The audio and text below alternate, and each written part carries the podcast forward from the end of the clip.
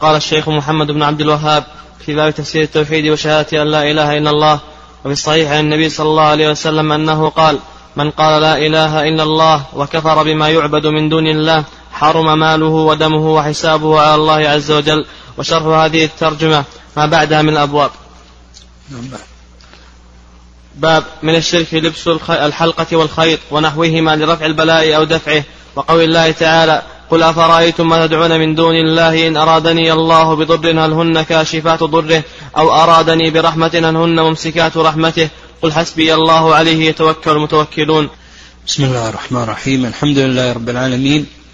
والصلاة والسلام على نبينا محمد وعلى آله وصحبه أجمعين. تقدم لنا بعض النصوص التي أوردها المؤلف.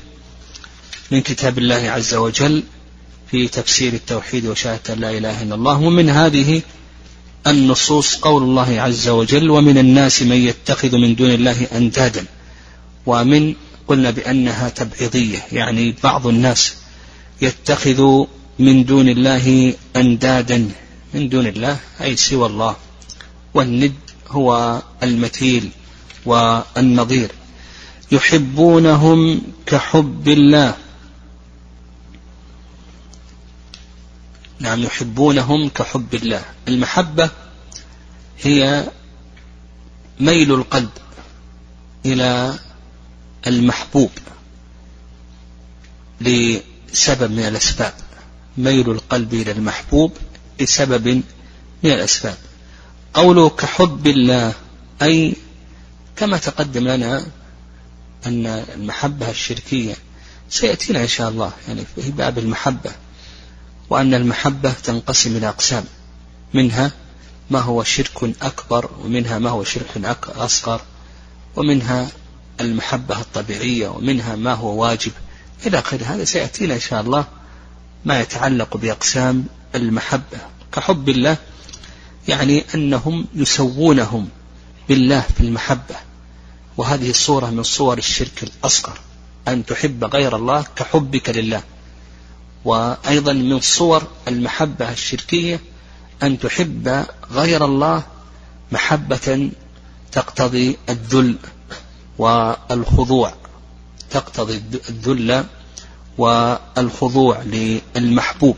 هذه صورة من صور المحبة الشركية. قال كحب الله والذين آمنوا أشد حبا لله.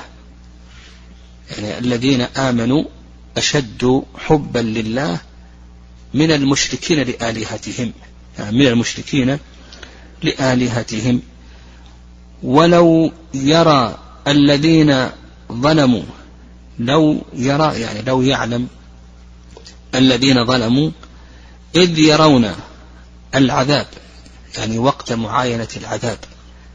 أن القوة لله جميعا وأن الله شديد وأن الله شديد العذاب. أن القوة لله أن القدرة والغلبة هذه كلها لله عز وجل وأن الله شديد العذاب.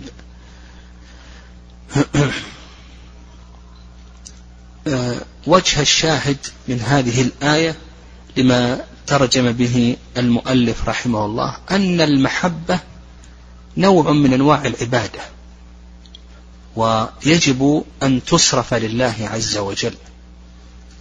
وعلى هذا يكون تفسير التوحيد صرف جميع أنواع العبادة لله عز وجل. لأن المحبة نوع من أنواع العبادة ويجب أن تصرف لله عز وجل. وأن صرفها لغير الله عز وجل أنه شرك لأنه صرف لنوع من أنواع العبادة لغير الله عز وجل. قال رحمه الله وفي الصحيح عن النبي صلى الله عليه وسلم أنه قال في الصحيح أي في صح مسلم أنه قال من قال لا إله إلا الله تقدم تفسير الشهادة. قال وكفر بما يعبد من دون الله يعني سوى الله حرم يعني امتنع ماله ودمه. امتنع أخذ ماله وامتنع سفك دمه. بناء على التوحيد لأن التوحيد يعصم صاحبه. وحسابه على الله عز وجل. أي الله عز وجل هو الذي يتولى محاسبته. لأن الظاهر والله يتولى السرائر. نعم الله عز وجل يتولى السرائر أو يكون المعنى يعني, يعني نحن لنا الظاهر والله عز وجل يتولى السرائر لأن أمر الدنيا على الظاهر. لكن أمر الآخرة على ماذا؟ على البواطن والسرائر. يوم تبلى السرائر. هذا أمر الآخرة. أو آه، يكون المعنى وحسابه على الله يعني أن من تلفظ بهذه الكلمة العظيمة كلمة التوحيد فإن الله سبحانه وتعالى يحاسبه على حسب نيته واعتقاده. يعني حسب نيته واعتقاده ويجازيه على ذلك.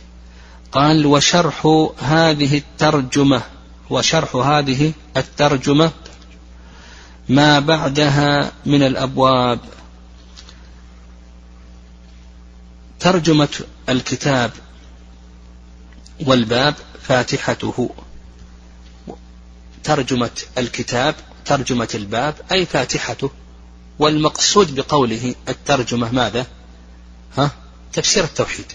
نعم مقصود بالترجمة. ما ترجم له المؤلف رحمه الله من هذا الباب؟ باب تفسير التوحيد وشهادة أن لا إله إلا الله. وجه الشاهد يعني ما بعدها من الأبواب يعني كل الأبواب هذه اللي ستأتينا كلها تفسر التوحيد. يعني كل الأبواب التي ستأتينا سيبين فيها المؤلف رحمه الله التوحيد وما يضد التوحيد من الشرك. نعم من الشرك.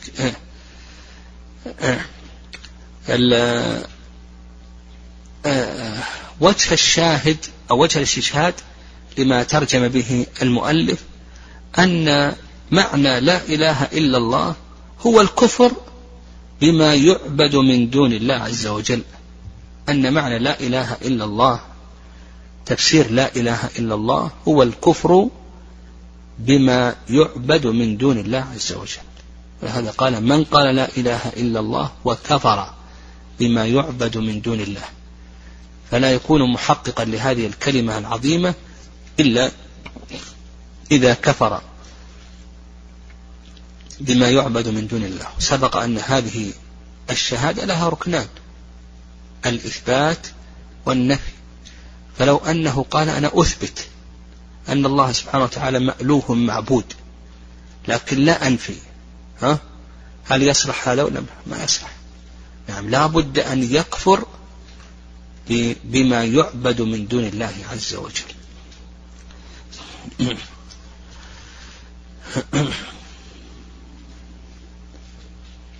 نعم. قال رحمه الله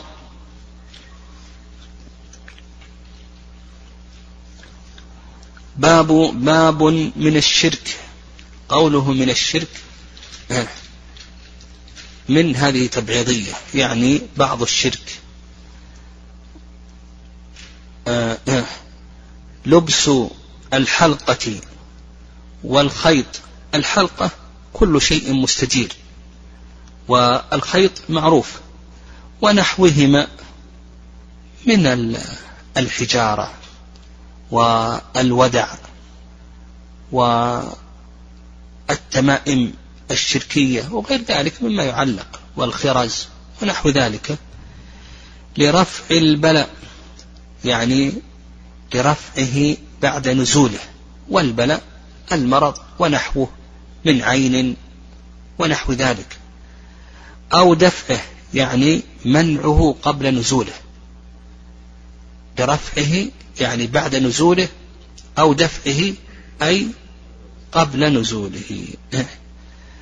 قال وقول الله تعالى قل أفرأيتم ما تدعون من دون الله؟ أروني. قل أرأيتم قل أفرأيتم ما تدعون من دون الله؟ إن أرادني الله بضر هل هن كاشفات ضره؟ أو أرادني برحمة؟ هل هن ممسكات رحمته؟ قل حسبي الله عليه يتوكل المتوكلون. قوله أفرأيتم؟ الخطاب للنبي صلى الله عليه وسلم. وقوله أفرأيتم بمعنى أخبروني. ما تدعون؟ يعني ما تسألون ما تسألونه من جلب الخير أو دفع الضر من دون الله. يعني سوى الله. يعني هؤلاء الذين تسألونهم تدعونهم من دون الله عز وجل وتسألونهم جلب الخير أو دفع الضر من دون الله من الآلهة والأنداد إلى آخره.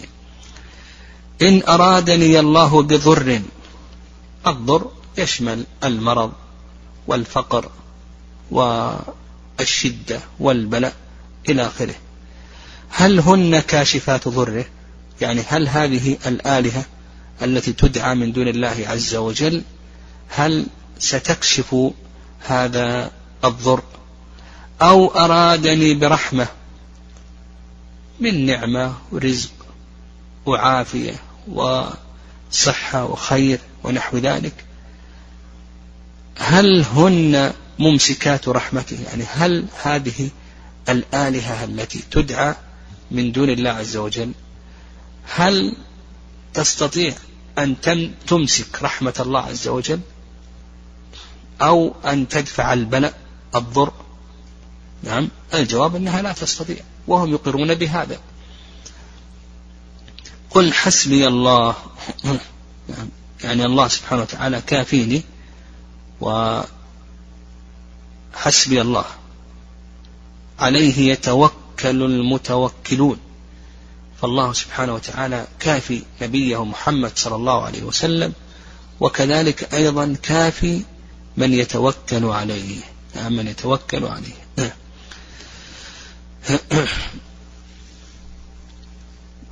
في هذه الآية بين الله سبحانه وتعالى أن هذه الآلهة التي تعبد من دون الله عز وجل لا تقوى أو لا تستطيع على دفع الضر إن أراده الله عز وجل.